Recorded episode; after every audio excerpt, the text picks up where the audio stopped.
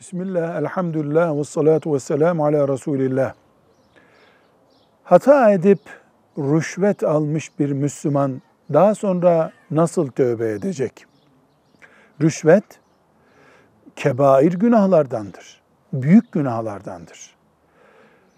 Bir sebeple hataen böyle bir günaha bulaşmış birisi evvela pişman olduğunu, tövbe ettiğini, bir daha yapmayacağını ifade eden bir tövbe yapacak. Ondan sonra da elinde o rüşvetten kalıntı varsa o rüşvetin kalıntısını fakirlere verecek. Hayır.